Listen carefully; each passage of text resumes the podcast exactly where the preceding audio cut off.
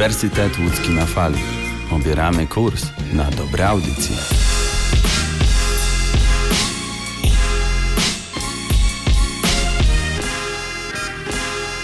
Kolejny czwartek, ostatni w tym miesiącu, ale z pewnością nie ostatni ze Sportcastem na SoundCloudzie Uniwersytetu Łódzkiego. Witam Was Damian Markowicz z wielkimi nadziejami, że sprawiliście miłe prezenty Waszym mamom dwa dni wcześniej. Dzisiejszą audycję sportową poświęcimy w głównej mierze lokalnemu podwórku, jakim jest piłkarska ekstraklasa. Krajowe rozgrywki wracają do życia, więc niewybaczalne byłoby nieporuszenie tego tematu. Ponadto swoje miejsce odnajdą dzisiaj także zaległe ćwierćfinałowe spotkania Pucharu Polski czy nowy kontrakt Michała Karbownika, nie obejdzie się także bez kontrowersyjnych tematów, bowiem porozmawiamy o sprawach motoru Lublin i Hutnika Kraków oraz Sokoła Ostruda i drugiej drużyny Legii Warszawa. Na deser zostawiłem zmagania w Bundeslidze. Zastanawiacie się zapewne, z kim dziś pogawędzę, to też spieszę z odpowiedzią. Będzie to Adam Socha, członek koła dziennikarstwa sportowego, a także fan Borussii Dortmund, co będzie istotne pod koniec audycji, jak zapewne się domyślacie. Niestety od strony technicznej nie będzie to idealna audycja, już tłumaczę dlaczego. Ze względu na problemy z komunikatorem głosowym obaj z Adamem nagrywaliśmy swoje ścieżki audio osobno. Mój głos jednakże został wyłapany przez program Adama, co właściwie uniemożliwiło odpowiedni montaż audycji. Zdecydowałem się więc wykorzystać ścieżkę mojego rozmówcy jako podstawę do podcastu, stąd też słychać mnie jakbym był po drugiej stronie telefonu. Mam nadzieję, że ta niedogodność nie będzie dla Was wielką przeszkodą. Na ten czas jednak zostawiam Was z muzyką.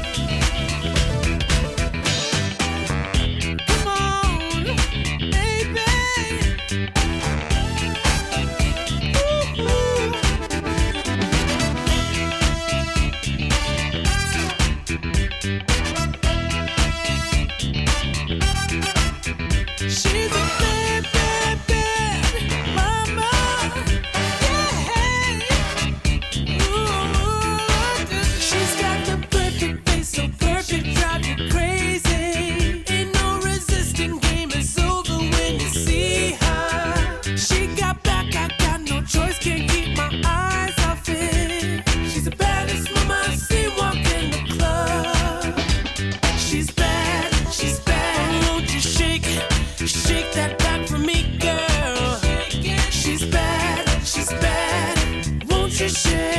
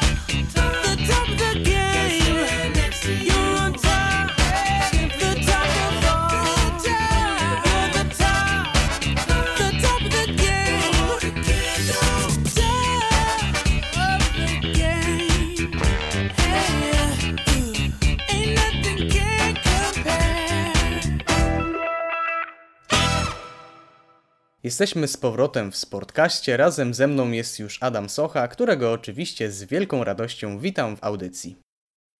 Cześć, witajcie, dzień dobry. Adamie, cała piłkarska Polska wreszcie się doczekała. Rozgrywki najlepszej Ligi Świata wracają już jutro, chociaż dla nas pojutrze, gdyż nagrywamy ten podcast w środę. Niemniej jednak, gdy tylko pomyślę o tych rewelacyjnych zagraniach, jakie nas czekają, mam ciarki na całym ciele. A tak zupełnie poważnie, jaka by ona nie była. Stęskniłeś się choć trochę za ekstraklasą?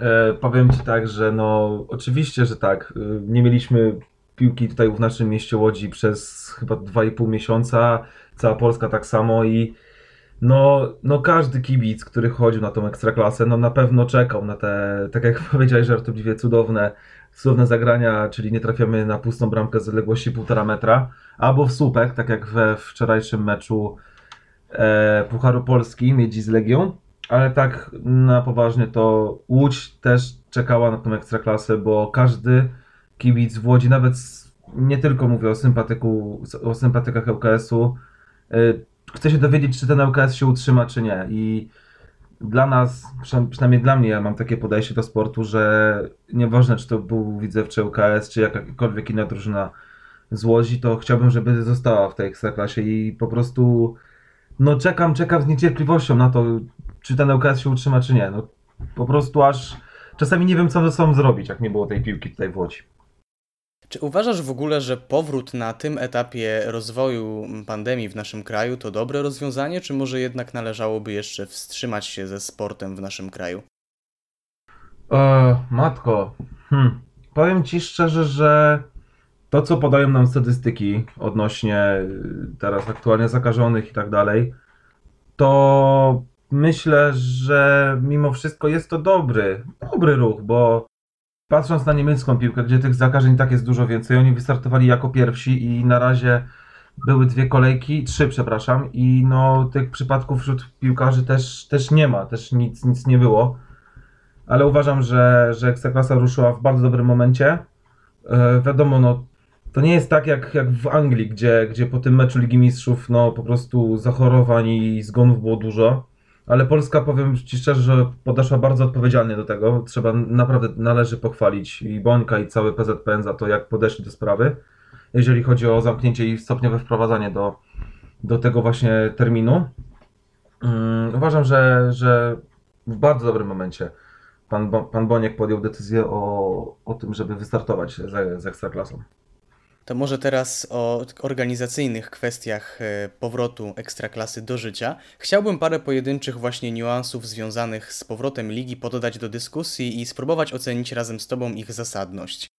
Na pierwszy ogień idzie liczba zmian w trakcie spotkań. Piłkarzy czeka naprawdę trudny czas, gdyż ilość meczów będzie naprawdę bardzo skondensowana. Bundesliga udowodniła już, że kontuzji jest teraz znacznie więcej, stąd też zastanawiający jest fakt, że prezes PZPN-u Zbigniew Boniek nie dał zielonego światła dla pięciu zmian w spotkaniu.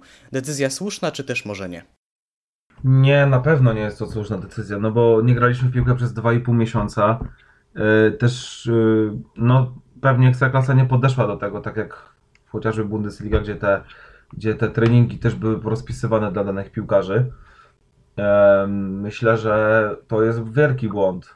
Wielki błąd. Właśnie patrz, patrząc na, na Bundesligę, tam jest teraz kontuzji, a mecze będą rozgrywane praktycznie no, co, co 2-3 dni, tak jak byśmy grali normalnie w sezonie, ale to przy bardzo dużej intensywności jest niezmiernie duża szansa na, na, na, na ryzyko kontuzji, więc też w sumie nie rozumiem, dlaczego pan prezes Boniek y, nie chce dać właśnie, tak jak powiedział, zielonego światła na, na, na te pięć zmian. Co uważam, że jest w ogóle kapitalnym pomysłem. I jak najbardziej, dopóki ta sytuacja się nie uspokoi, dopóki te rozgrywki nie wrócą do, do powiedzmy takiego stanu normalnego, to powinny być, bo, bo to też jest komfort dla, dla piłkarza, ale też i dla trenera, który naprawdę może ma więcej możliwości, jeżeli chodzi o zmiany. Prezes Polskiego Związku Piłki Nożnej tłumaczył te decyzje tym, że za jego czasów, jak to starszy, poczciwy człowiek lubi sobie czasami poargumentować, tych zmian nadal były trzy, ale mimo wszystko piłkarze jakoś dawali radę. Jednakże ja również tutaj opowiadam się, że decyzja o pozostawieniu trzech zmian jest moim zdaniem no, niesłuszna, ponieważ zarówno w tych czasach, jeszcze przed pandemią, jak i porównując je oczywiście do czasów Zbigniewa Bońka, tych, e, ilość tych meczów jest zdecydowanie większa, a teraz będzie jeszcze bardziej intensywna ta ilość spotkań właśnie ze względu na tę przerwę. Do tego jeszcze trzeba dodać, że pan Boniek y, grał w takich czasach, gdzie ta piłka no nie była tak szybka jak teraz i ta intensywność spotkań w ogóle, nie chodzi już o mecze co trzy dni, tylko chodzi o, o tempo gry, jest po prostu masakryczna jest różnica i no pan prezes po prostu uważam i ty też, że, no, że popełniają błąd. Jak wiemy, fakt, że spotkania piłkarskie wracają, nie oznacza, że wracają również kibice. Do pustych trybun z pewnością musimy się przyzwyczaić, chociaż Polska może być prawdziwym pionierem w tej dziedzinie. Niewykluczone bowiem, że na stadionie będzie mogło przybywać maksymalnie 999 osób, unikając tym samym rangi imprezy masowej. Ponownie hit czy kit? Powiem ci szczerze, że ja sam jakoś w to nie mogę po prostu uwierzyć, że jakby Polska wpadła na taki pomysł, a reszta lig nie. I to jest dla mnie bardzo zastanawiające, bo uważam, że jeżeli wszyscy na świecie grają bez kibiców, to Polska również tak powinna zrobić. Mimo wszystko powinniśmy być konsekwentni, bo no, tęsknimy też za tą atmosferą kibicowską. No wiadomo, tak?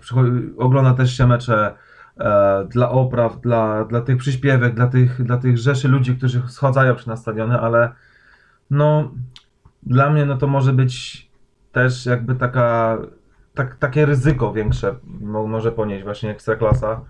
E, uważam, że na ten moment, na ten moment, na, też na dzień dzisiejszy, na najbliższe kolejki kibiców nie powinno być, ale jeżeli na przykład wszystko będzie ok, no to może, może, może można na ten temat podyskutować, ale no uważam, że to nie jest dobry pomysł.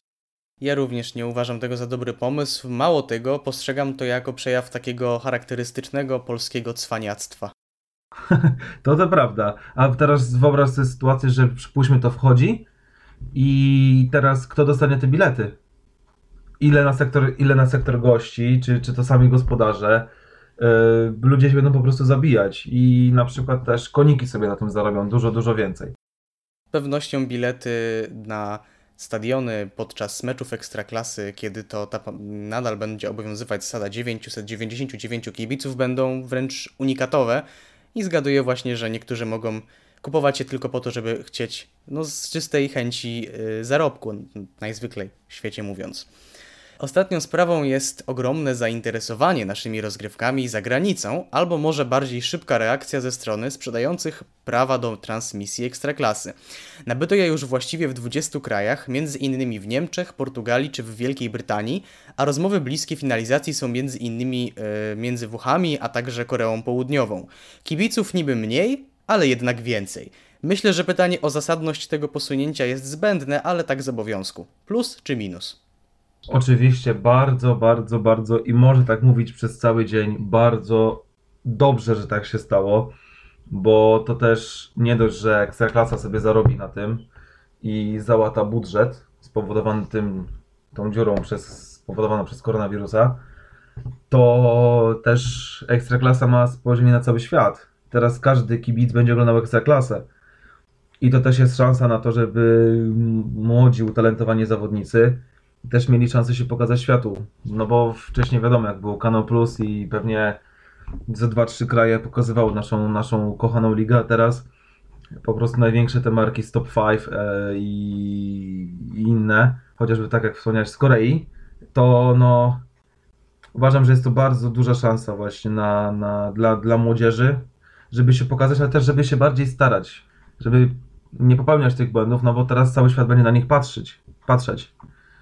I no, tak jak mówię, to jest szansa dla tych młodych piłkarzy, żeby, żeby trafić gdzieś do lepszej ligi za, za jakieś lepsze pieniądze. Zastanawia mnie w tym przypadku decyzja Niemiec, których liga oczywiście już wystartowała, ale mimo wszystko te prawa nabyli. Wiesz co, też mi się wydaje, że jakby chcą uatrakcyjnić swoją ofertę na, na ten moment, to tak naprawdę jeżeli ja bym był na miejscu człowieka, który odpowiada za, za, za prawa telewizyjne do, do swojej stacji, to chciałbym pokazywać piłki jak najwięcej, żeby, żeby też być konkurencyjny dla innych stacji, ale też z drugiej strony, żeby pokazać też, że, że się nie boimy takich ruchów i nie pokazać tylko Bundesligi, no bo mimo wszystko kibic jest wybredny bardzo i no nie będzie też oglądał cały czas jednej ligi, tylko załóżmy taki typowy no nie, nie, nie chcę powiedzieć Janusz, ale typowy kibic no to będzie siedział cały weekend przed telewizorem i będzie sobie te mecze oglądał, tak? I sobie zobaczy, że jest słaby mecz, przypuśćmy w Bundeslidze, pomiędzy załóżmy, no nie wiem, Schalke a Unionem Berlin, to sobie przełączy na, na, na Ekstraklasę, gdzie może być na przykład, nie wiem, grać Legia z Wisłą i to może już być taki lepszy mecz, tak? I może sobie zostawić, więc zawsze ta możliwość wyboru też pozostaje. Ja się bardzo z tego cieszę, że, że, że Niemcy się zdecydowali, zdecydowali się na taki krok. Yy, Też trzeba od razu powiedzieć, że no nie za jakieś masakrycznie duże pieniądze poszły te prawa do Ekstraklasy, ale też nie za małe, yy, z tego co się dowiedziałem, więc no Ekstraklasa, Ekstraklasa trochę zarobi, ale tak uważam, że te pieniążki jeszcze przyjdą za rok, dwa lata. Też zastanawiająca jest sprawa tego, czy kiedy te ligi już na dobre ruszą, to czy Ekstraklasa nie pójdzie nieco w odstawkę. Oczywiście z perspektywy osób, które te, te, te prawa sprzedały, jest to absolutnie obojętne, ponieważ pieniądze już otrzymały. Yy, Wiesz co, to mi się, mi się wydaje, że to jak to wszystko wróci do normy, to i tak minie więcej niż na przykład do, do, do tej jesieni. To, to potrzeba będzie więcej czasu. Ale no to wszystko będzie zależało od, od naszych piłkarzy, od naszej ligi, czy, czy podoła temu wyzwaniu. Bo jeżeli na przykład będą dobre mecze, no to myślę, że nie. Myśl, znaczy myślę, że, że, że może być jakaś tam minimalna konkurencja, no ale jednak no, wybrać mecz derby Manchesteru, a przypuśćmy e, derby Krakowa, to wiadomo, wiadomo po prostu y, jaki mecz będzie pokazywany. W ramach e, oczywistości, ja również uważam, że jest to bardzo dobre rozwiązanie i naprawdę nie mogę doczekać się, kiedy Gary Lineker będzie wielokrotnie podkreślał, że Adam Deja z Arki Gdynia może popisać się znakomitym strzałem z dystansu. Po przerwie porozmawiamy o rozgrywkach Pucharu Polski, który dość długo musiał wkraczać w decydującą fazę. Tymczasem zostawiam Was w akompaniamencie paru nutek.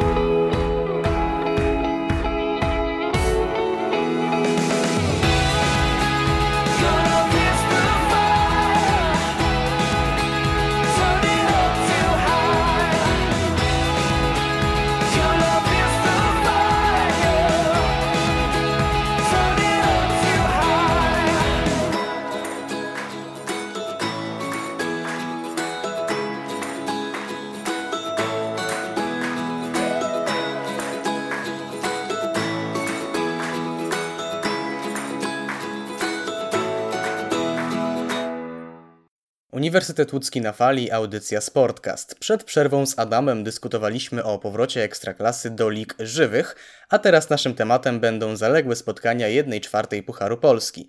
Zanim jednak przejdziemy do rozmowy, chciałbym zaznaczyć, że jesteśmy czasowo między spotkaniami i głównie wypowiemy się zapewne o meczu Mieć Legnica Legia Warszawa.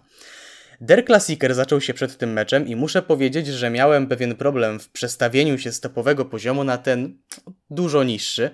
Wicemistrz Polski pokonał ekipę z Legnicy 2 do 1. Na początku może pomówmy jednak o tym meczu od strony czysto sportowej. Legia pokazała dominację w tym spotkaniu. Y, Chociaż przez pierwsze 20 minut czuliśmy taki lekki niepokój, jeżeli chodzi o Legię, bo dała sobie dwa razy tam, powiedzmy, strzelić te, tego gonga, bo, bo była, było spojenie Łukowskiego z rzutu wolnego, ale też to dośrodkowanie na poprzeczkę też już dawało takie sygnały, że a, jednak chyba coś się wydarzy. Pokazała jednak Legia to, że potrafi dominować i to spotkanie po tych dwóch gongach mm, jakby uspokoiło Legię i zaczęła dominować to spotkanie.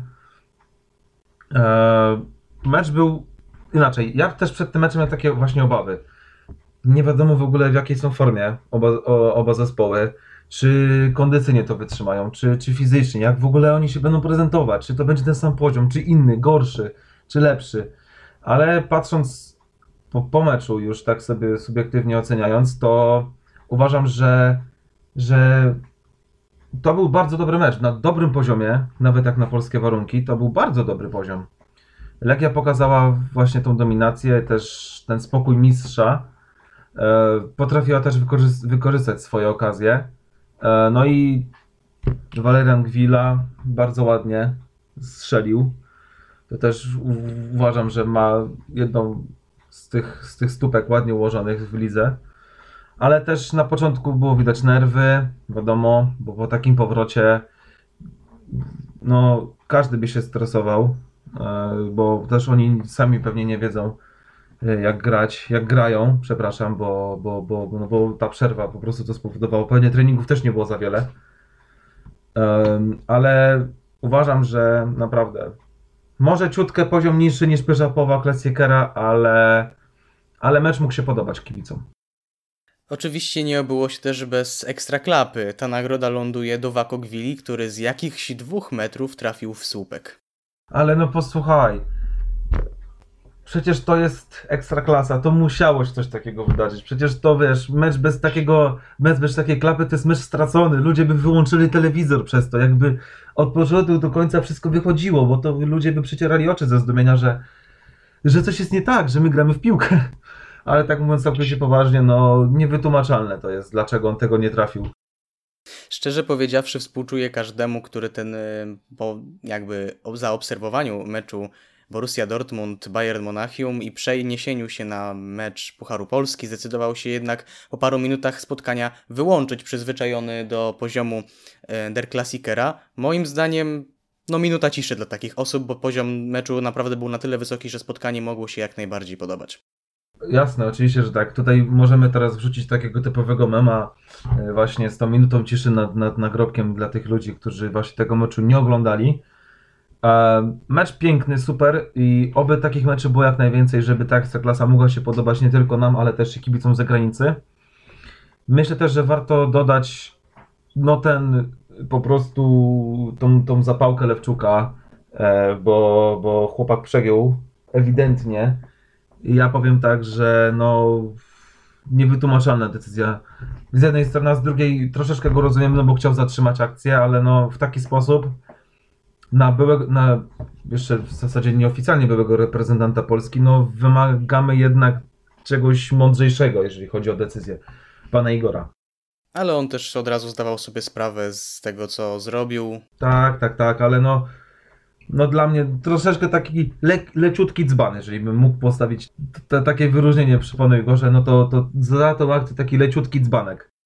Ja leciutkiego dzbanka postawiłbym przy, mimo wszystko przy nazwisku Wojciecha Muzyka, z takiego powodu, że co prawda debiut w bramce wojskowych ym, raczej może moim zdaniem zaliczyć do udanych, lecz tak do 80 właśnie 7 minuty, ponieważ bramkę zdecydowanie możemy zapisać na jego konto. Oczywiście, że tak, beznadziejnie. Znaczy, to powiem, tu wyszło już ten brak doświadczenia i też mi się wydaje, że, że, że Wojtek Muzyk poczuł taki lekki luz, że już zobaczył na, na, na zegarek, powiedział 87 minuta, prowadzimy 2-0 na wyjeździe, mamy zwycięstwo, więc już troszeczkę lekka dekoncentracja, no i tak wyszedł do tej wrzutki, jakby, jakby chciał, a nie mógł, po czym tak się w pewnym momencie zatrzymał i stwierdził, że no dobra, ok.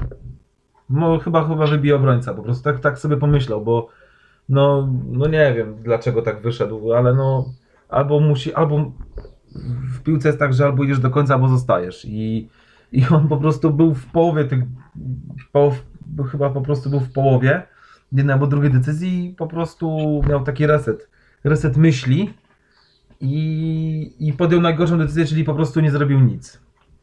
Co nie przekreśla faktu, że nawet dobrze bronił. To co, to, co wiesz, to co mógł wybronić, to wybronił. No ale no to to jest niewątpliwie bardzo duży minus, jeżeli chodzi o, o ocenę. Miałem też trochę, szczerze mówiąc, nadzieję, że grając w przewadze jednego zawodnika i po zdobyciu bramki kontaktowej Miedzi uda się zdobyć wyrównanie, ponieważ wtedy w dogrywce, grając właśnie jednego zawodnika więcej, mogliby sprawić niespodziankę i zwyczajnie Legię zabiegać. Tak, tak, to prawda, mogliby tak zrobić, ale też wiesz co mi się wydaje, że miedzi, miedzi zabrakło cojones i też doświadczenia yy, takiego piłkarskiego. No i oczywiście klasa, klasa zawodników też jest półkę niżej, no bo wiadomo gdzie miedź gra. Em, oczywiście szkoda, no bo dla widowiska w ogóle po takim dobrym meczu też, też by nabrała jeszcze większego, też mi się wydaje, zasięgu e, jeśli chodzi o oglądalność, ale no niestety, e, niestety dla Miedzi, niestety dla Legii, ten mecz zakończył się po 7-minutowej chyba, po 7-minutowym doliczonym czasie, o ile dobrze pamiętam, właśnie wynikiem 2 do 1 i to Legia gra dalej. Chociaż też należy pochwalić Miedź za to właśnie jak w pierwszej połowie od razu z zacięciem zaczęła atakować, ale no też wyszło właśnie ta przerwa, pokazała te siwe znaki, bo już pod koniec też, nie, też byli troszeczkę zmęczeni i już później grali tylko z kontry. Już nie, nie grali tak jak w pierwszych 20 minutach. Co do kwestii organizacyjnych, z ust piłkarzy i członków sztabu można było łatwo usłyszeć piękną polszczyznę. No cóż, będzie trzeba się do tego przyzwyczaić. Żarty na bok. Meczu szczerze mówiąc nie oglądało się źle pod tym względem. Oczywiście pewnie, pewne różnice dostrzeżemy, jak na przykład sposób schodzenia poszczególnych osób do szatni czy wzajemne podziękowania drużyn, ale nie wpływa to na samą grę. E, Jeśli chodzi o piękną polszczyznę, no to y, to jest oczywiście taki drobny smaczek, ale, ale no będziemy musieli się po prostu do tego przyzwyczaić, że no ta, ta nasza piękna rodzima polszczyzna niestety już nie będzie zagłuszona przez kibiców, więc po prostu jeżeli ktoś ma nie, słabe nerwy albo nie lubi czegoś tego słuchać, to albo zakryjemy, zakrywamy uszy, albo po prostu się z tego śmiejemy, bo, bo to nie pozostaje nam w sumie nic innego. A jaką ocenę wystawiłbyś pierwszemu spotkaniu po przerwie? Mam tu na myśli wyłącznie względy organizacyjne. Względy organizacyjne, to powiem Ci w skali 1-10, Możemy tak się umówić.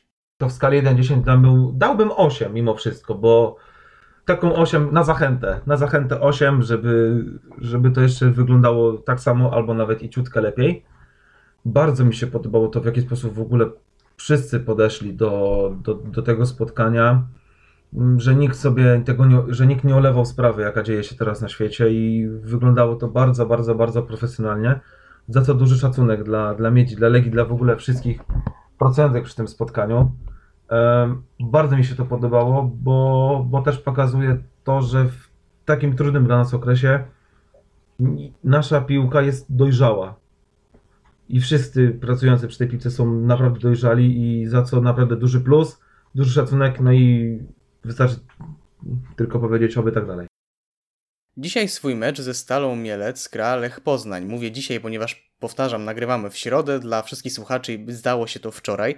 Jest to równie ciekawe spotkanie, chociażby z tego względu, że kluby z Warszawy i Poznania zmierzą się ze sobą w pierwszej kolejce po wznowieniu rozgrywek. Obie będą tym samym na tym samym etapie przygotowania i zmęczenia, a także nie ukrywajmy, spotkania tych drużyn szczególnie elektryzują fanów ekstraklasy. Znaczy na pewno tutaj trzeba od razu zazna- zaznaczyć fakt, że Legia będzie miała dzień dłużej na odpoczynek. No bo grała swój mecz we wtorek. Ale zawsze od zarania dziejów, Wis, y, Boże nie Wisła, War, y, Legia Warszawa i, i Lech Poznań, no to będą starcie takie, takie topowe, e, przesądzające też czasami o Mistrzostwie Polski. E, ja pamiętam ten Lech Poznań, jak jeszcze grał Lewandowski, Peszko, Arb- Arboleda, w bramce stał Krzysztof Kotorowski. Moim zdaniem do dziś nie uważam, że Kotorowski był lepszym bramkarzem od Buricia. Jakoś tak po prostu też większą sympatią darzyłem tego piłkarza, ale em, no też ta, ten Lech sprzed 10 lat, no to, był, to była drużyna, która mogłaby naprawdę spokojnie grać w Lidze Mistrzów. Ale już wracając do, do, do, do, do spotkania weekendowego, no to, to będzie na pewno ciekawe starcie i znowu pojawią się niewiadome. Jak organizm po takim wysiłku dostosuje się do spotkania weekendowego pomiędzy tymi dwoma drużynami? Jakie będą taktyki? Czy to się wszystko pozmienia? Czy może jednak wtedy już pan Zbigniew Boniek zmieni swoją decyzję na temat zmian? Nie wiemy, jest strasznie dużo niewiadomych, co jeszcze bardziej jakby zachęca do tego, żeby zobaczyć to spotkanie. Mimo wszystko, nawet dla kibiców, którzy tej, tej ekstraklasy nawet nie oglądają, tylko oglądają sobie te, te ligi światowe. Uważam, że mecz będzie trudny, zwłaszcza dla Lecha Poznań, no bo on będzie miał mniej dni odpoczynek i będzie musiał to jakoś sobie wszystko tam poukładać i pewnie taktycznie też podejdzie do tego meczu zupełnie inaczej niż do, do meczu ze Stalą, ale jeżeli na przykład spotkanie będzie bardzo otwarte, no to bym się wcale nie zdziwił. Stal Mielec ma realne szanse na awans do Ekstraklasy. Co ciekawe, gra ona najbliższy mecz w lidze z Miedzią Legnica, więc mamy tutaj bliźniaczą sytuację co do Ekstraklasy. Z kolei Lokomotywa z Poznania napędzana jest głównie siłą młodzieńczą. Jaki wynik przewidujesz w tym meczu? Hmm. Kurczę, powiem ci, że to jest ciężkie do przewidzenia, no bo jeszcze, wiesz, Lecha nie widzieliśmy w akcji, ale jeżeli zaprezentuje się na podobnym poziomie co Legia Warszawa, dałbym wynik mimo wszystko 2-1 dla Lecha. Niewykluczone, aczkolwiek ja spodziewam się tutaj. Trochę mam niedosyt, jeśli chodzi o mecz Legia Mieć, dlatego tutaj typowałbym dogrywkę, w której raczej, raczej Lech powinien odnieść zwycięstwo. No dobra, to idziemy do Buka, stawiamy na Lecha i, i dzielimy się, i, i dzielimy się, albo lecimy gdzieś, jeżeli wiesz, tylko tworzymy linię, to lecimy na jakieś Maladiwy. Podobno do Czarnogóry można już lecieć, yy, więc Pakuj bagaże. Chciałbym to wejście przeznaczyć również na osobę Michała Karbownika, bo potem nie będzie już dobrej okazji, żeby do tego wrócić. Bardzo dobry mecz w Legnicy, ale co ważniejsze, młody talent z Warszawy podpisał nową umowę ze stołecznym klubem, obowiązującą do 2024 roku. Moim zdaniem powinno to wyjść z korzyścią dla wszystkich. Zawodnik jeszcze trochę pogra w lidze i zapewne udowodni, że jego forma to nie był przypadek, a klub w ten sposób zagwarantował sobie parę milionów więcej przy jego transferze, który przypuszczam stanie się faktem najpóźniej w przyszłym roku. No to ja uważam ciutkę inaczej. Ze wszystkim się zgadzam. Oprócz ostatniego zdania, bo przypomina mi się sytuacja z Polem Pogbą. Paul Pogba też miał przedłużony kontrakt w United, ale chyba 2-3 miesiące później już poszedł do Juventusu. Yy, To jest oczywiście decyzja bardzo czysto też biznesowa dla Legii, bo też się zabezpieczyła bardzo fajnie finansowo przez to. A y, też mi się wydaje, że Karbownik nie powinien grać w przyszłym sezonie w Ekstraklasie, bo, bo, liga, bo on już przerasta Ekstraklasę. To jak w jakim sposobie się porusza po boisku, to ja już widzę, że, że on jest za szybki, on jest za dobry na tą ligę, więc moim zdaniem jak najszybciej powinien opuścić naszą ekstra- Ekstraklasę, żeby jak, naj, jak najszybciej mógł się rozwinąć do tego poziomu, na, na jaki my też czekamy. Także myślę, że jeżeli Legia go puści za jakieś może 10 milionów, to nawet będzie dobry deal. Warto też nadmienić, że niedawno ukazał się wywiad z selekcjonerem reprezentacji Polski Jerzym Brzęczkiem, który wspomniał, że gdyby nie przerwa w piłce, Michał Karbownik nie tylko otrzymałby powołanie, ale także od pierwszej minuty zagrałby towarzysko z Ukrainą. Nie tak dawno narzekaliśmy na tę lewą obronę, a teraz mamy Rybusa, Rece i Karbownika. Powiem Ci szczerze, że mm, w sumie zawsze mieliśmy problem z lewą obroną, zawsze, zawsze. I też powiem troszeczkę żartobliwie, ale szczerze, gdyby nie kontuzja, no to ja bym pewnie grał na tej lewej obronie w, naszym, w, naszej kadrze. E, ale Karbownik bardzo mi się podoba, zwłaszcza jak idzie do przodu z piłą. No i ma tą, ma tą lewą, lewą stopę, po prostu, no dla mnie to jest fenomenalny gość, naprawdę. I on jest taki w ogóle pewny siebie na tym boisku, no po prostu, ach. Mm, Ale jeżeli chodzi o na przykład Maćka Rybusa, czy, czy Rece, no to wiadomo, Reca, no, były kontrowersje przy, były kontrowersje przy, przy, przy Arku Recy, bo wiadomo, jak dostał powołanie Jurek Brzęczek na selekcjonera, no to on cały czas tego Recę powoływał, powoływał, on nie grał. Maciej Rybus grał troszeczkę, troszeczkę był kontuzjowany, ale miał minut więcej w nogach, jeżeli chodzi o, tam, o sezon mm, y, Rybka. Moim zdaniem y, na pewno Karbownik przydałby się tej kadrze, żeby pobudzić też taką rywalizację między właśnie Recą, a Rybką, a właśnie jeszcze Jackiem Karbownikiem. Wkrótce powrócimy na SoundCloudową antenę, a tymczasem zachęcam wszystkich słuchaczy do odprężenia się przy muzyce, bo po przerwie poruszymy dwa kontrowersyjne tematy.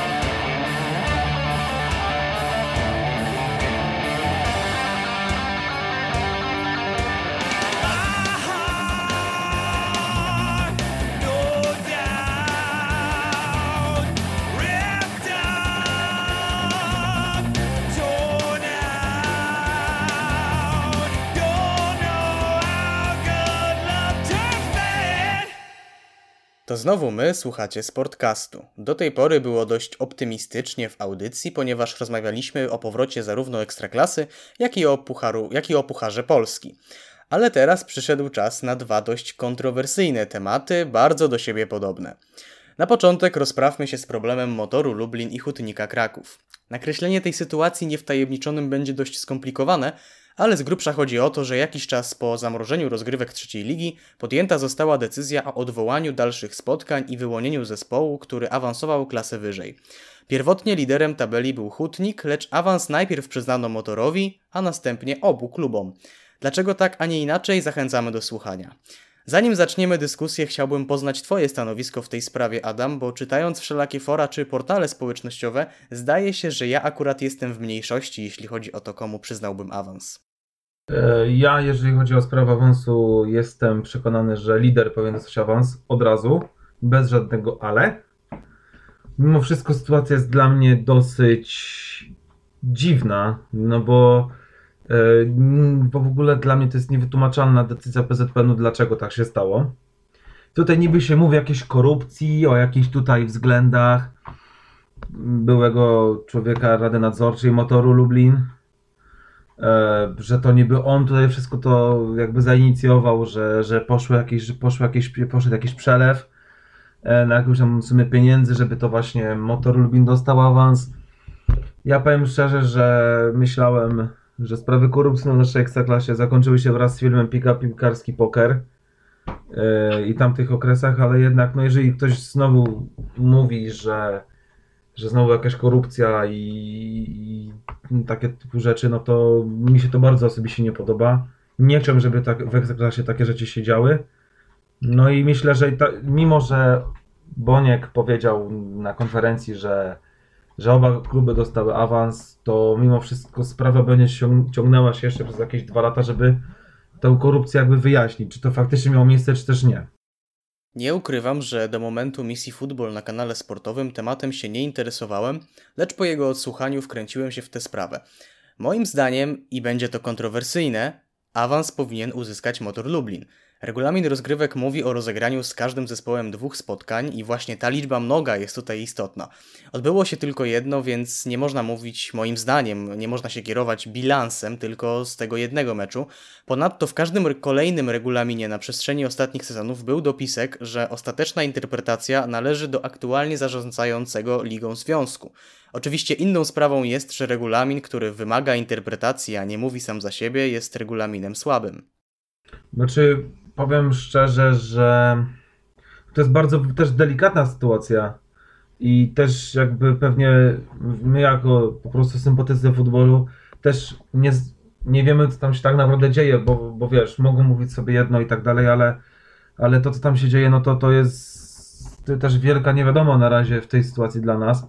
Jeżeli chodzi o interpretację przepisów, no to jeżeli został tylko rozegrany jeden mecz, no to siłą rzeczy Fajnie by było, gdyby też został rozegrany drugi mecz, no ale no to wtedy już, tak jak powiedziałem wcześniej, jeżeli by no, musiał tylko się odbyć jeden mecz, no to nie chciałbym, żeby odbył się tylko jeden mecz w tej lidze, no bo chciałbym, żeby te rozgrywki w ogóle wystartowały i pociągnęły do końca. Ale no, sytuacja jest bardzo kontrowersyjna, bardzo dziwna, bardzo trudna i no w końcu mam osobne zdania na ten temat. Ale też nie, nie, nie, nie chcę się kłócić w ogóle, bo bo każdy ma swoje racje, każdy ma swoje argumenty i, i no i w sumie to tyle. No. Uważam, że e, Hutnik powinien dostać awans i, i tyle. Oczywiście, gdyby była możliwość rozegrania meczu rewanżowego między zainteresowanymi klubami, to byłoby to bez wątpienia najlepsze rozwiązanie. Jednakże rozgrywki zostały już zakończone i żadne spotkania jednych czy drugich prezesów nie są w tym przypadku istotne. Wydaje mi się, że decyzja była podjęta zbyt pospiesznie, ale została jednak ostatecznie podjęta i pewnych decyzji właśnie Ja też myślę, że w ogóle jest, była głupia ta pierwsza w ogóle. Taka też z kapelusza w ogóle wzięta, tak, tak o.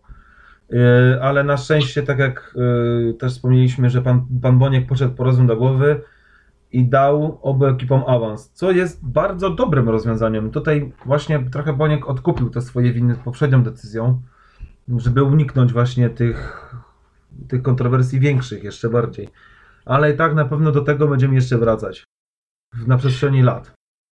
Równie ciekawie jest w przypadku sporu Sokoła Ostruda i drugiej drużyny Legii Warszawa. Tam punkt przewagi nad drugim miejscem ma ta pierwsza drużyna, lecz mają oni zaległe spotkanie właśnie ze stołeczną ekipą. Miało się ono odbyć, zdaje mi się, w listopadzie, lecz ze względu na powołania do młodzieżowej kadry mecz na prośbę Legii został przełożony. W teorii takie spotkanie powinno zostać nadrobione bodajże w przeciągu trzech tygodni, jeśli się nie mylę, a tak się nie stało. Obecnie Legia oczywiście chciałaby zawalczyć o awans na boisku, a Sokół ze względów bezpieczeństwa nie ma do tego najmniejszych chęci. W tym przypadku, szczerze powiedziawszy, nie mam wyrobionego zdania i wydaje mi się, że nie wiem o sprawie wszystkiego, więc chętnie poznam zarówno Twoją perspektywę, jak i jakieś szczegóły, o których, których mogę po prostu nie wiedzieć. Wyglądało to, początek, ja ci powiem jak to w ogóle wyglądało, bo właśnie tego spotkania miało dość, ale e, e, dwóch młodzieżowców wyjechało wtedy na zgrupowanie, y, czy tam trzech nawet. E, no i to spotkanie Legia chciała przełożyć ze względu na brak tych swoich właśnie asów, którzy pojechali na e, zgrupowanie. No i e, Legia wysłała pismo właśnie do, e, do, do, do, do, do, do, do Ostrudy, żeby zagrali mecz 10 dni później po prostu. Ale nie zgodzili się rywale Legii, więc yy, zaproponowali, żeby spotkanie odbyło się 1 kwietnia. I złożyli już wtedy właśnie pismo do związku. No i to wszystko było przyjęte i dograne, że gramy 1 kwietnia i koniec. No ale wiadomo, jaka sytuacja jest teraz. I e, właśnie Sokół nie chce grać tego spotkania, no ale, Legia, ale drugi zespół Legii bardzo chce, więc tam zostały w ogóle wysłane jakieś pisma. Yy, oni mają taką kartkę yy, ukarani za kadrę i cały czas protestują właśnie przez to, że trzech młodzieżowców po, pojechało na, na tą kadrę do, do lat u, nie wiem, u 19, u 20, już nie pamiętam. Ale i właśnie, właśnie przez takie rzeczy nie mogą dowieść tego, znaczy powalczyć w ogóle ten awans. I to dla mnie sprawa jest bardzo głupia, delikatna też mimo wszystko. Ja osobiście uważam, że do spotkania mimo wszystko powinno dojść. No, bardzo zawiła sytuacja, jeżeli jest faktycznie tak, jak, to ją, jak, jak ją przedstawiasz. Wydaje mi się, znaczy generalnie zastanawiające dla mnie jest, ponieważ no, nie wczytywałem się w regulamin Warmińsko-Mazurskiego Związku Piłki Nożnej, w regulamin trzeciej ligi, w grupy bodajże pierwszej, ale zastanawia mnie, czy jest w ogóle taka możliwość e, przewidziana w regulaminie, żeby zespoły dogadały się na termin późniejszy niż właśnie te trzy tygodnie od pierwotnego. Tak, tak, tylko to musi dojść yy, za porozumieniem obu stron, po prostu. Yy, z tego co pamiętam, to oba zespoły po prostu muszą ustalić przez Związek Warmińsko-Mazurski Piłki Nożnej i chyba też w ogóle cały PZPN musi też na to wyrazić zgodę, żeby ten mecz został rozegrany jeszcze w bardzo w późniejszym terminie niż, niż te trzy tygodnie. Bo to jest taki, to, no, to był wyjątek po prostu. Tam też trzeba powiedzieć, że w tej trzeciej lidze też jest jakiś napięty e, harmonogram i wiadomo, u nas jaka jest przerwa zimowa i no i oba, oba ekipy zgodziły się na, na, na, na, ten, na ten termin 1 kwietnia. No i zobaczymy, jak się No. sytuacja potoczy, bo cały czas sprawa jest w toku. Oczywiście Legia 2 y, złożyła odwołanie do właśnie Związku Warmińsko-Mazurskiego. No i czekamy. Czekamy na odpowiedź, zobaczymy jak to, jak to się wydarzy, ale no szczerze mówiąc nie widzę tego, żeby ten mecz został rozegrany. Niestety. Tak, słucham ciebie i naprawdę ciężko mi się jest opowiedzieć po którejkolwiek ze stron. To jest naprawdę tak kontrowersyjna i tak ciężka w ocenie sytuacja, że po prostu zachowam tutaj neutralność. Tutaj y, jakby można powiedzieć, że rozumiesz, ro, przepraszam, rozumiemy Legię, no, która chce powalczyć o ten awans, ale z drugiej strony też możemy zrozumieć właśnie Sokół, który już nie chce grać, no bo może przegrać, ale też ze względów bezpieczeństwa ta liga została zamknięta, to nawet jest dla nich tak, ta, ta informacja o zamknięciu sezonu jest dla nich zbawieniem tak na dobrą sprawę. Ja też rozumiem, dlaczego oni nie chcą grać, ale mimo wszystko dla dobra futbolu i w ogóle dla dobra ligi, żeby było jak najbardziej sprawiedliwie, uważam, że do spotkania powinno dojść. Kiedy? Nie wiem. Gdzie też nie wiem. Ale no. No, sytuacja jest naprawdę bardzo, bardzo delikatna. Dla takich chwil pozostaje zadać tylko pytanie, czy nie, nie pospieszono się z decyzjami o zakończeniu rozgrywek? Wiesz co, znaczy jeżeli chodzi o, o te niższe ligi, to no to teraz można zacząć się zastanawiać i niektórzy pewnie, niektóre osoby, które podjęły tą decyzję, były odpowiedzialne za podjęcie tej decyzji, mogą sobie troszeczkę pluć w brodę, ale no to jest temat na pewno takich przemyśleń już przy, przy kawie, przy takich dłuższych y, rozmowach, y, takich bardzo długich.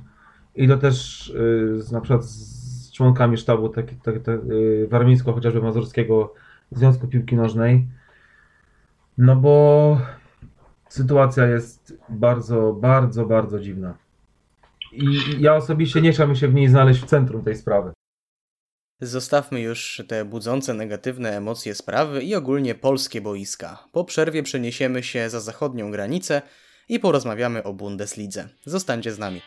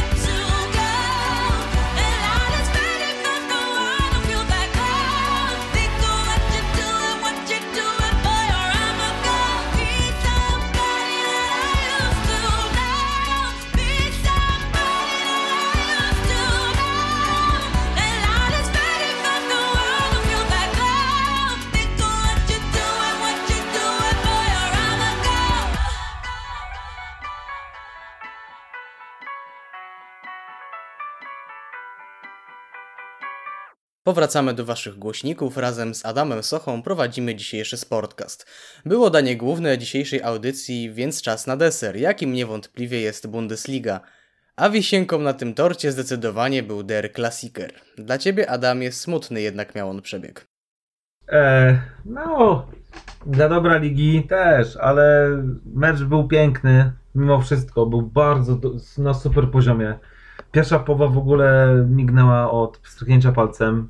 Każdy się zastanawiał, jak to się stało, że, że to już 40 minut minęło. E, oczywiście też były kontrowersje, ale po kolei, ale po kolei. E, spotkanie miało przesądzić i w zasadzie już przesądziło o, o, o tytule mistrza Niemiec, o walkę też w sumie o, o ten tytuł. Borussia na Signal na Park jeszcze nie przegrała e, w tym sezonie. To była taka twierdza nie do zdobycia. Pamiętam li, mecz z Lipskiem 3 do 3, gdzie no po prostu to był mecz sezonu i chyba do tej pory nim będzie, bo, no bo takie bramki padały. Genialny Brandt, y, genialny Werner, dużo błędów w defensywie też przez ten deszcz, ale, ale wracając do Del Classicera, no mecz świetny. E, jak dla mnie profesor Piszczek, który no z łatwością sobie tam zatrzymywał takie gwiazdy jak Coman, jak Davis, jak Lewandowski. No wybił piłkę z linii bramkowej. Po prostu dla mnie dla mnie taki cichy bohater tego spotkania. Mimo wszystko, że Borussia przegrała, to moim zdaniem był najlepszy na boisku zaraz za Alfonso Davisem. No Kimisiem, który też tam łatał, łatał te, te, te dziury w środku pola. Martwi trochę sytuacja Erlinga Halanda, który zszedł z urazem. E, Mówi się o skręconym kolanie, ale czekamy też na, na wyniki badań, które też nawet mogą mówić o lekkim na- naderwaniu więzadeł. Co by było sporym ciosem dla Dortmundu. No bo kto by grał, w, kto by miał grać w tym, w tym napadzie, jak, jak nie ma jak nie ma drugiego napastnika, no bo wiemy już od, y, od soboty, że, że Mario już y, nie będzie grał w Dortmundzie od przyszłego sezonu, a no w formie życiowej widać było po tym spotkaniu, że też nie jest. Mm, Chociaż no mógł, mógł tam tą piłkę inaczej przyjąć tam w 80 którejś minucie, jak dostał piłkę na 11 metrze w polu karnym, ale no no, no nie wiem dlaczego, dlaczego postanowił zrobić to tak, a nie inaczej. Mógł strzelać, ale no no wyszło jak wyszło, e, wiadomo. E, później właśnie z kontrowersja. E, powi- powinien być rzut karny dla Dortmundu.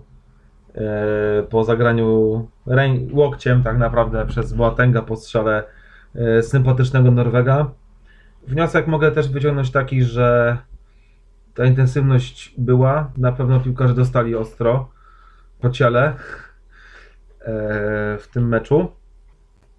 Alfonso Davis dla mnie po prostu objawienie sezonu. To jak Flick poustawiał, po prostu na tej lewej obronie, on tam śmiga. No dla mnie po prostu fenomen. Jak on odebrał piłkę Halandowi w tej pierwszej połowie. Ja powiem szczerze, że ja jestem fanem Dortmundu od blisko chyba tam 12 lat, ale to w jaki sposób gra Alfonso Davis to to jest fenomen i na, należy oglądać tego chłopaka bo jest fenomenalny, jest dobry, jest młody, a gra tak dojrzale i tak pewnie na tej lewej obronie, że no dla mnie to za 2-3 lata może konkurować z Andrew Robertsonem o miano najlepszego lewego obrońcy świata. A chłopak z Kanady.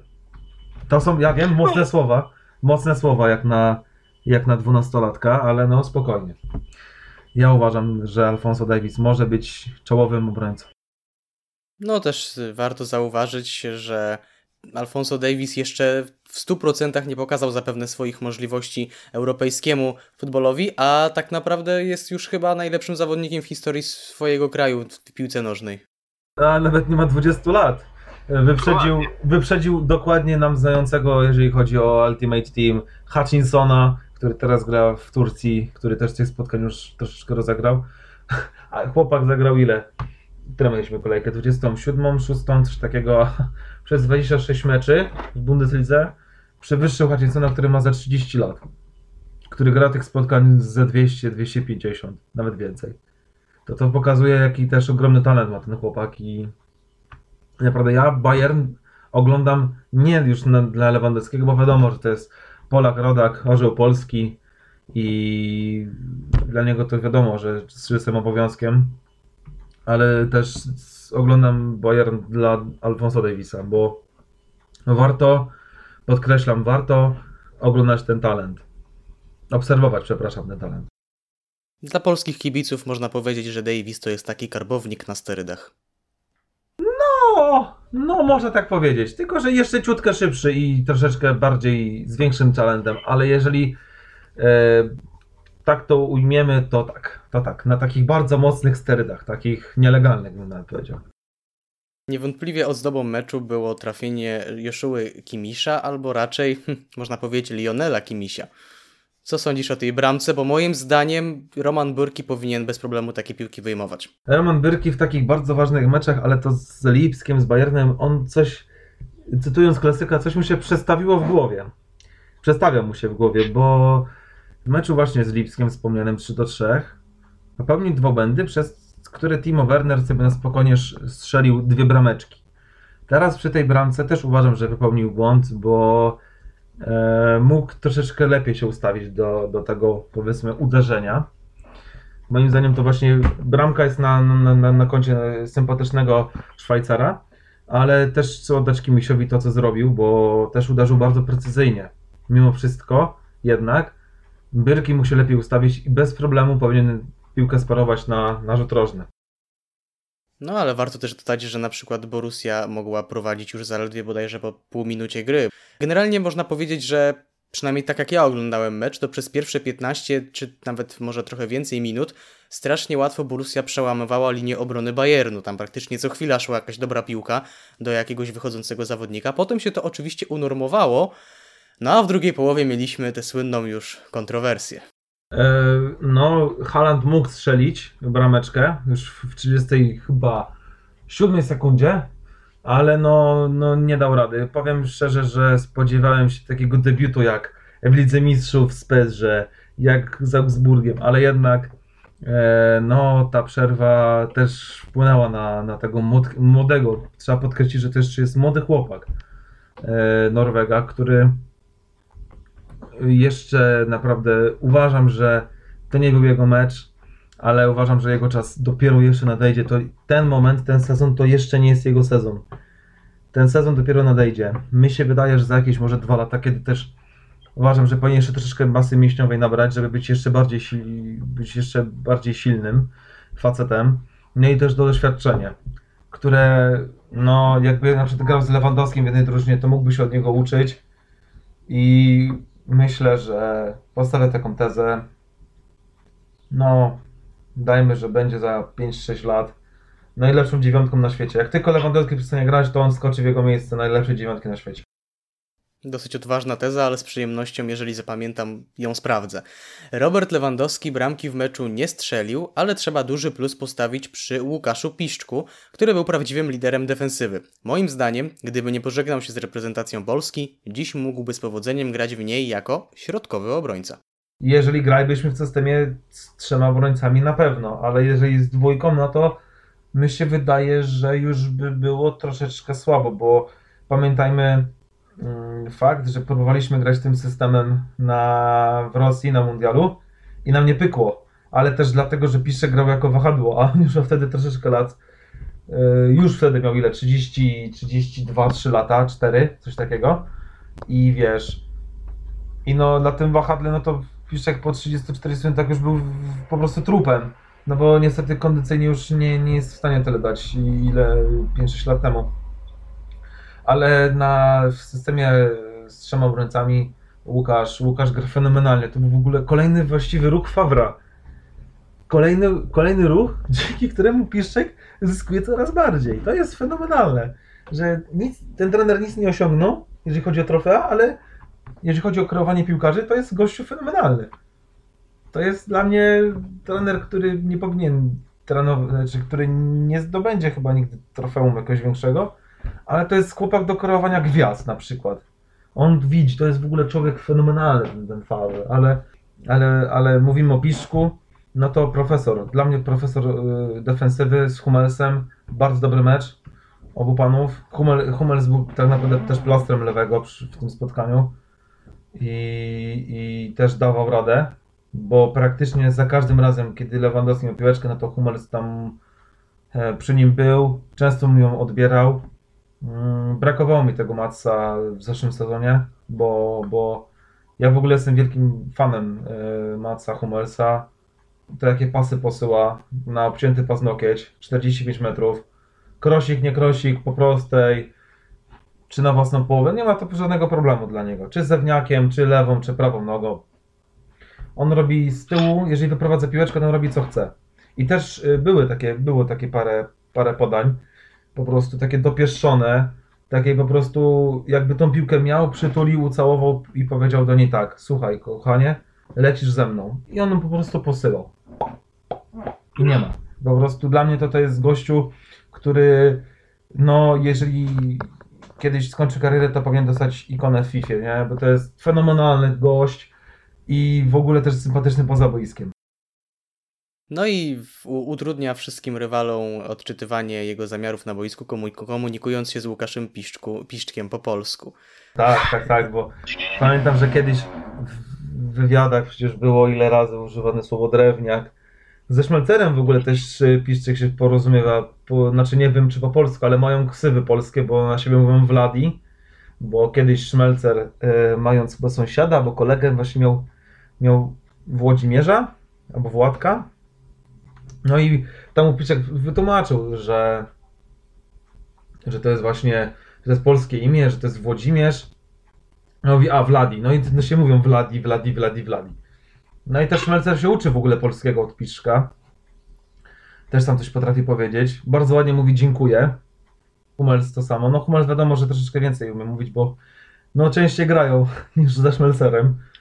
Ale, ale no fajnie, fajnie, że, że w ogóle Hummels na, na coś takiego wpadł. Bawarczycy mają w tym momencie 7 punktów przewagi nad Borusią. Czy po wczorajszym spotkaniu jako fan BVB możesz bez zastanowienia powiedzieć, że Monachijczycy zostali mistrzem Niemiec w sezonie 2020-2021? Tak, bez wątpienia, na pewno. Z takim trenerem, który no, też jest z objawieniem sezonu, jeżeli mówimy o Hansi Flicku, który poukładał ten zespół, to tak. Tak, tak, bez wątpienia, tak. Na miliard procent musiałoby, musiałoby się stać coś, coś niedobrego e, z- Bayernem, żeby tego mistrza już nie zdobyli. Natomiast co ciekawe, dzisiaj przeczytałem w prasie, że Lucek, Lucek Favre ma zostać zwolniony z Dortmundu po tym sezonie i ma zastąpić go, uwaga, Niko Kovac. Więc dla mnie O proszę. osobiście jest to krok w tył, jeżeli chodzi o trenerkę, bo przed taki sympatyczny Argentyńczyk jest wolny, jeżeli chodzi o trenerkę, czyli pan Mauricio Pochettino, którego bym widział w Dortmundzie. Mauricio Pochettino dogaduje się zapewne z Newcastle. No to nie dobrze, to niech, się- niech się Kovac dogaduje, a niech Pochettino przyjdzie do Dortmundu. Miasto nie jest ładne i nie jest za za bardzo atrakcyjne, ale drużyna jest spoko i mi się wydaje, że, że, że mógłby... To jest, właściwy, to jest właściwy trener na właściwym miejscu. Tak bym widział Pochettino w Dortmundzie. Nie będę się już nad tobą znęcał i przejdę do pozostałych wyników. Bardzo dobrze po przerwie wypada także RB Lipsk, a ich strzelec Timo Werner ponownie włączył się do walki o tytuł króla strzelców i niewykluczone, że nie będziemy mogli obserwować sytuacji, gdzie dwóch się bije, a trzeci korzysta. Chwalony był także Bayer z młodym Kajem Hawercem w szeregach, choć wczoraj zdaje się aptekarze zagrali jak aptekarze. 0 do 4 z Wolfsburgiem. Powiem Ci szczerze, że Lipsk w ogóle na początku jak wchodził do Bundesligi to no nie byłem wielkim fanem. Zwłaszcza pamiętam pierwszy mecz z Dortmundem przegrałem 0-1. Nabi Keita strzelił bramkę z głowy w 88 minucie. Po dośrodkowaniu właśnie Timo Wernera. Nienawidziłem tej ekipy za to, że jest bez historii w ogóle, że mają tylko pieniądze i bazują na tym jeszcze przez te 7 lat wtedy nawalali, nawalali i awansowali o co tej najniższej ligi. Ale z perspektywy tych 3-4 lat, kiedy Lips jest y, w Bundeslidze, to muszę powiedzieć, że jest to jeden z najlepszych, najlepiej prowadzonych klubów w Niemczech. To jaki wiesz, oni mają y, scouting, jaką w ogóle mają filozofię, bo nie wiem czy wiesz, ale oni kupują tylko piłkarzy do, do 25 roku życia za, za pieniądze, a starszych ściągają za darmo. Taką mają filozofię i to mi się bardzo podoba. Trenera mają w ogóle super. Nagelsmann, gościu, który, który gra normalnie z żoną w Scrabble o 19, to nam powiedział, e, w czwartki to o 19, to nam powiedział Tomak Urban, którego serdecznie pozdrawiamy. Nagelsmann, który nie śpi, Nagelsmann, który cały czas obserwuje, cały czas analizuje, który cały czas po prostu żyje futbolem. Chociaż jest to młody trener, to jest jeden z najlepszych w Bundeslidze. I znowu machina ruszyła, bo Timo Werner zdobył trzy gole. Przejechało się po Mainz, który grał u siebie, a Mainz u siebie nie jest wcale takim łatwym rywalem do pokonania, mimo wszystko. Tylko po prostu wjechali, po prostu wiesz, zdeptali jak kiepa, zgasili ich jak kiepa, pozbyli się ich i wrócili do domu po prostu, no. Dla Lipska to był po prostu another day in the office. A jeśli chodzi o aptekarzy, no to yy, trenerem jest Bosch, Peter Bosch, który był trenerem w Dortmundzie, znam tego człowieka, wiem jak on gra, chociaż teraz zmienił nieco system, ale nadal ten Bayer e, Leverkusen pod jego, pod jego wodzą gra strasznie jak, jak nasze zeszyty w podstawce, czyli w kratkę. Strasznie dziwnie, bo z jednej strony potrafią zagrać super spotkanie, nawet z Lipskiem, z Bayernem, a potem nagle jest po prostu nie wiadomo skąd z Augsburgiem 4-0 w plecy na przykład. Bayer trochę gra tak, jakby grali w FIFA i po którymś kolejnej wygranej dostali handicap. Tak, tak, dokładnie, dokładnie. I nikt tego po prostu nie mógł wytłumaczyć. Yy, bardzo mnie martwi sytuacja Lona Baileya w ogóle, bo to jest bardzo fajny chłopak. Wiadomo, gdzie go widział, w jakim zespole w naszej, w naszej Bundeslidze, ale, ale podobno chłopak ma straszne problemy z psychiką. Yy, nie potrafi się dostosować w ogóle do jakiejkolwiek dyscypliny. Robi co chce, odpala, yy, zapala mu się e, no, piec w głowie, mm, podejmuje głupie decyzje i czasami po prostu widać po nim, jak mu się nie chce, na przykład na treningach i tak dalej.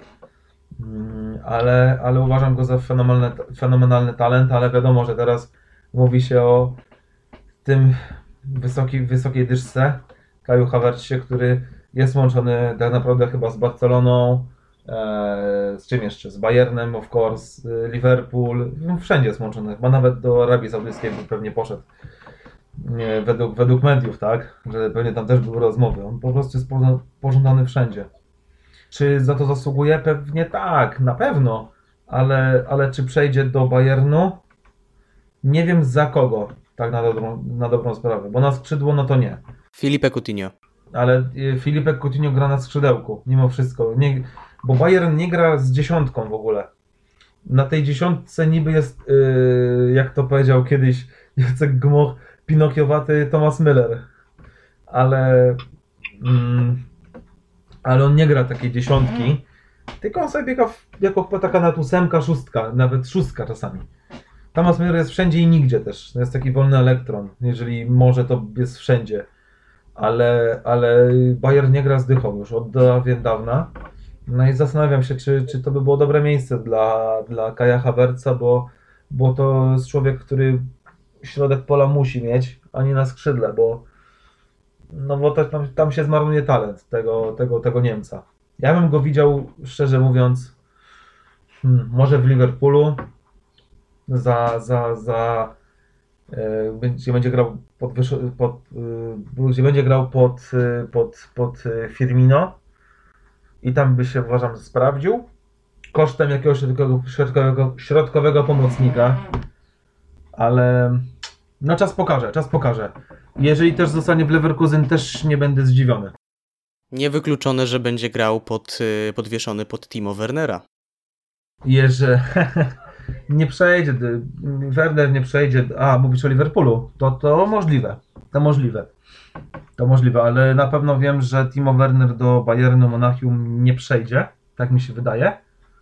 No i Kai Havertz też nie. Uważam, że to były złe, to był bardzo zły ruch ze strony Timo Wernera, jak i Kaja Havertza, że przeszli do Bayernu Monachium. Dzisiaj będzie, a dla słuchaczy wczoraj był, arcyciekawy, mamy nadzieję, mecz.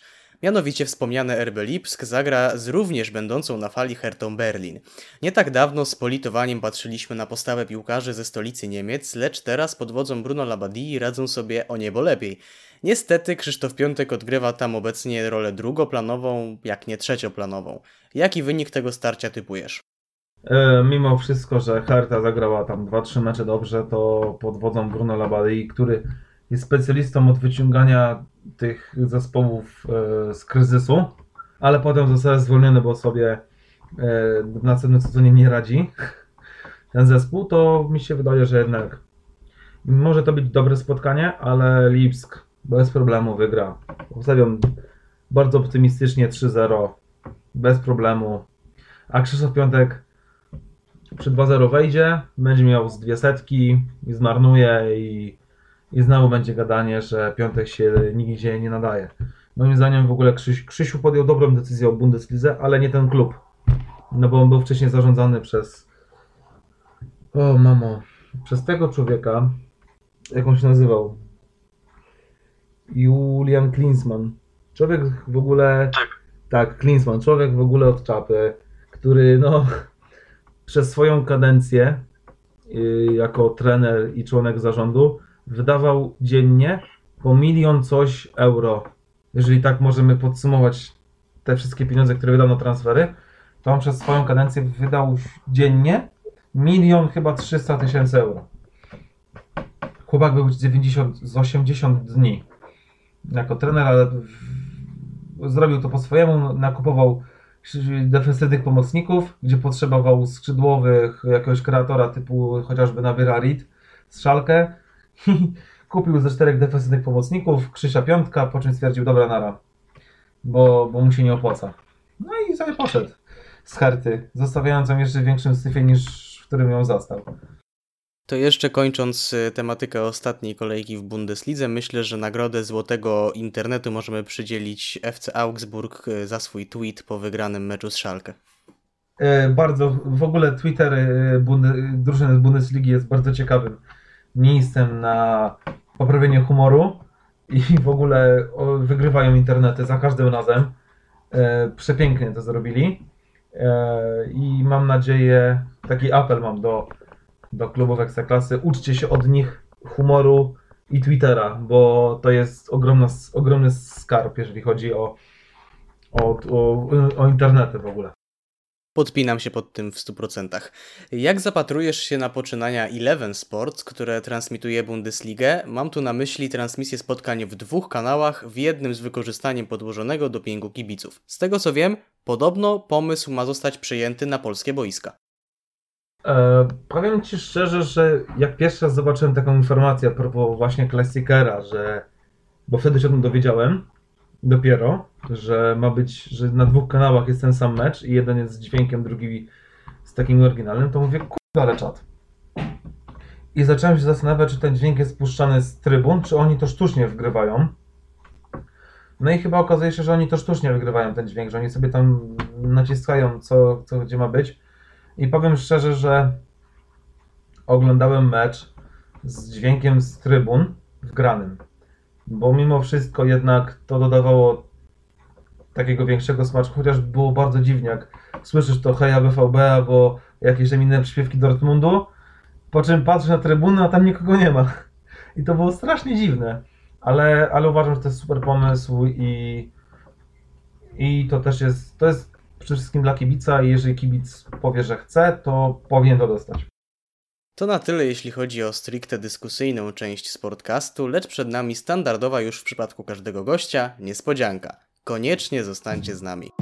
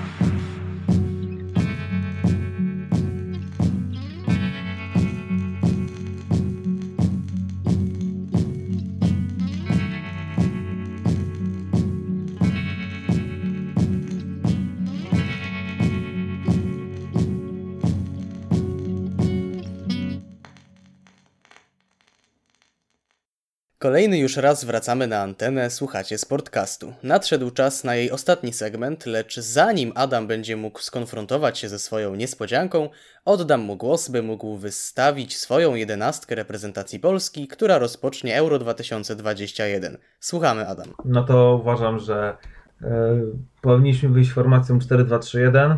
1-4-2-3-1. Zaczniemy od bramkarza, będzie to Wojciech Szczęsny. E, w, obroń, w obronie będzie grał na prawej stronie e, Bartosz Bereszyński. W środku kończący przygodę z reprezentacją Kamil Glik. Wchodzący w jego buty Jan Bednarek. Na lewej stronie Karbownik. W w środku pola dwie szóstki to będzie Krychowiak i Klich. E, jako pomocnicy obstawiam na lewej stronie Arka Milika, na prawej stronie Kamila Grosickiego, a dyszką będzie e, Piotro Zieliński, a w, na dziewiątce Polak Rodak, Orzeł Polski, Robert Lewandowski. Zapisałem, jesteś już którąś bodajże szóstą osobą, która y, wytypowała swój skład. Mm, Osoba, która mm, będzie najbliżej prawdy, wygra nagrodę, którą będzie oczywiście poczucie satysfakcji. Adamie, pora na Twoją niespodziankę. Jesteś gotowy? Chyba tak. Heh. Spróbujmy, skonfrontujmy się. Przetestu- Przetestuje ona Twoją wiedzę. No dobra. Wybrałem dwa spotkania. Jednym z nich jest pewnie bardzo pamiętny mm, dla Ciebie finał Ligi Mistrzów sezonu 2012-2013 między Borussią a Bayernem. Zaś drugi mecz to Polska-Szwajcaria na Euro 2016. E, razem mamy więc cztery drużyny. Twoim zadaniem będzie wytypowanie dwóch jedenastek, które otworzyły te mecze, lecz aby nie było zbyt prosto, masz dwie opcje do wyboru.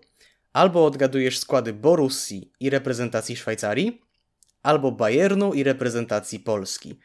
Na oba składy będziesz mieć po dwie minuty. Jaka jest więc twoja decyzja? No z tą Szwajcarem będzie troszeczkę problem, chociaż tam pamiętam paru zawodników, kurde, ale dobra, polećmy, polećmy, yy, poświęcę się i wybiorę Bayern i wybiorę wybiorę Bayern i reprezentację Polski. Dobrze, a od której drużyny chciałbyś zacząć? Od Polski, patriotycznie. Dobrze. Na Polskę dwie minuty, a następnie na Bayern dwie minuty. Jesteś gotowy? Oczywiście. Czas, start. Dobra, bramka Fabian, Dokładnie. Piszczek, Piszczek, Glik, y, Rybus, Rybusa nie było na turnieju. no tak, kontuzja. Jędrzejczyk, Tak? Tiago Cionek, nie. Nie. Szukała też nie. Pazdan, Pazdan, Pazdan, wiadomo. Krychowiak.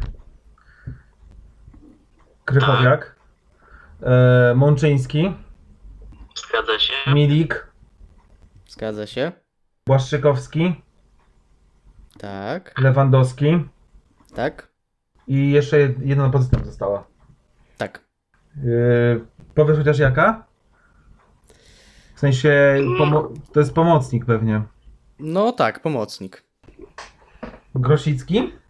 Dokładnie. Cała jedenastka? Cała jedenastka wyrobiłeś się jeszcze przed upływem minuty.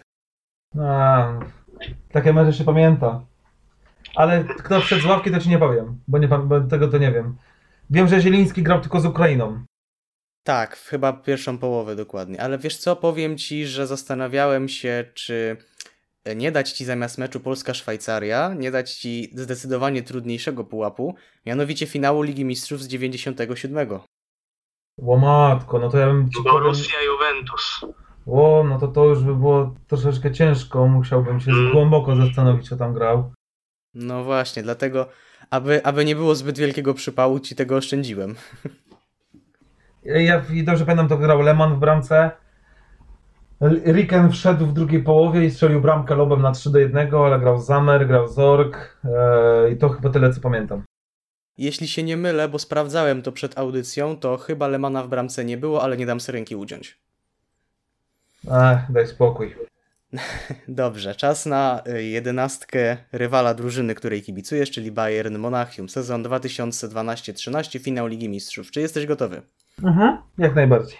Dobrze, a więc zaczynamy czas start. Neuer, Lam, Batstuber, Nie, Batstubera nie było. Van... Boże, Van Buiten on był? Y, Był na ławce, ale nie wszedł. Matko Boateng, Tak? Javi Martinez, Y, Tak? Rafinha. Nie? Matko, lewa obrona Bayernu. Müller na pewno, Mandzukic, Ribery, Robben. Y, Tak, tak, tak, tak. Matko boska. Jezus. Trzy nazwiska. No, no tak, obrońcy, obrońcy, dwóch obrońców jeszcze. Thiago Alcantara. Nie, Y, Nie.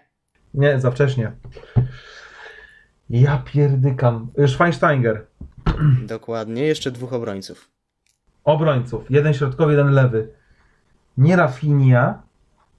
Nie Rafinha. Kto tam grał na lewej obronie? Jakiś Hisz Bernat? Nie. Nie.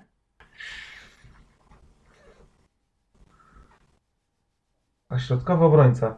Środkowy obrońca. Ja pierdykam, w takich długich włosach wolny. Nie bacz tuber. Nie bacz tuber. Ja pierdykam. Jezusie Nazarejski. No kto tam był, no? Masz jakaś podpowiedź? Kojarzysz może takiego pisarza, który nazywa się Alighieri? Alighieri? Nie. Cholera. On miał...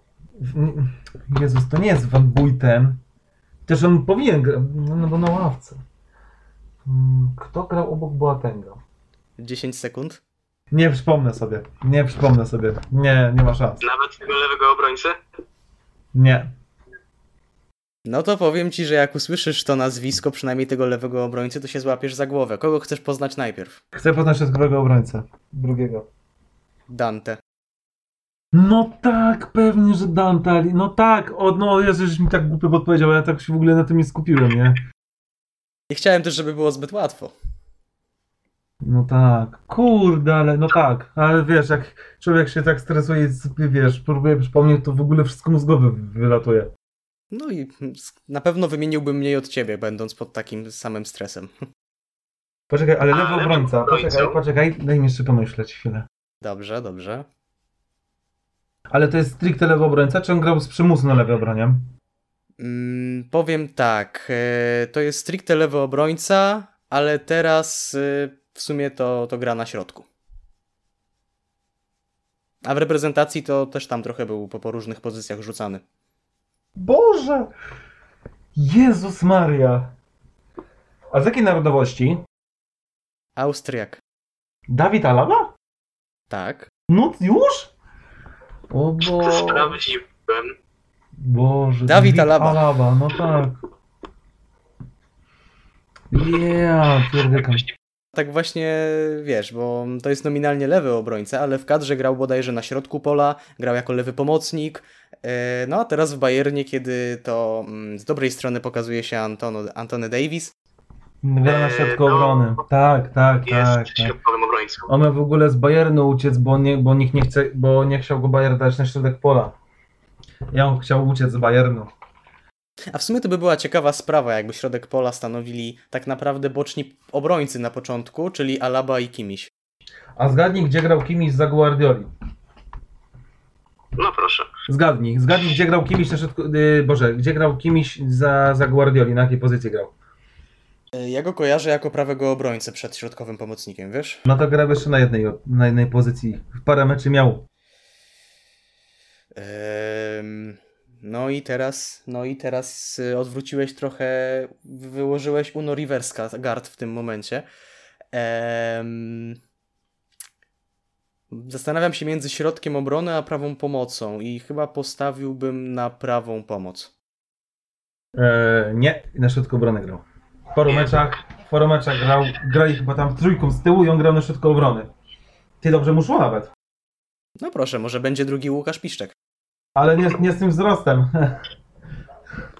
Dlatego mnie to zdziwiło, ma metr, on, wiesz, generalnie kimś tak jak Lam, fajnie zawodnicy w Realu, ale w FIFA nie za bardzo do gry. Przecież, nie? Wzrost i tak dalej, nie? To nie pozwalają na jakąś tam grę fajną nimi, ale bardzo przyjemnie się ich oglądało. Akurat tu się nie wypowiem, bo moja przygoda z FIFA skończyła się na pamiętnej czternastce. Chociaż tam pamiętam, miałem y, dwa składy właśnie z Bundesligi i dobrze mi się całkiem nimi grało. Ja w 14 nie grałem, bo miałem wtedy taką przymusową przerwę od FIFA. Ale zacząłem od 16 i teraz w 20 sobie pykam. Wiadomo, jaka ta gra jest trudna, ciężka. Znaczy trudna, w sensie dla psychiki, nie? Po Foot Champions pady, le, pady lecą przez okno. Chyba w każdym polskim domu trafia się Duszan Tadić. Dochodziły mnie już właśnie słuchy o tym, że różnie to bywa z nowszymi odsłonami FIFA. Był dzisiaj ze mną Adam Socha. Wielkie dzięki za poświęcony czas. Mam szczerą nadzieję, że mile spędzony. Tak, oczywiście, było super. Bardzo dziękuję za wspólną rozmowę. My słyszymy się w najbliższy czwartek. Do następnego.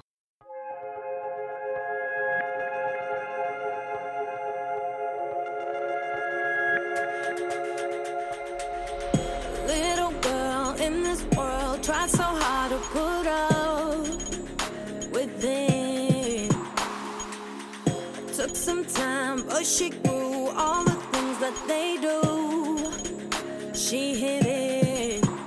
But the power gonna change now, gonna change, gonna change. If it doesn't kill you, makes you strong, makes you strong. I am not afraid now.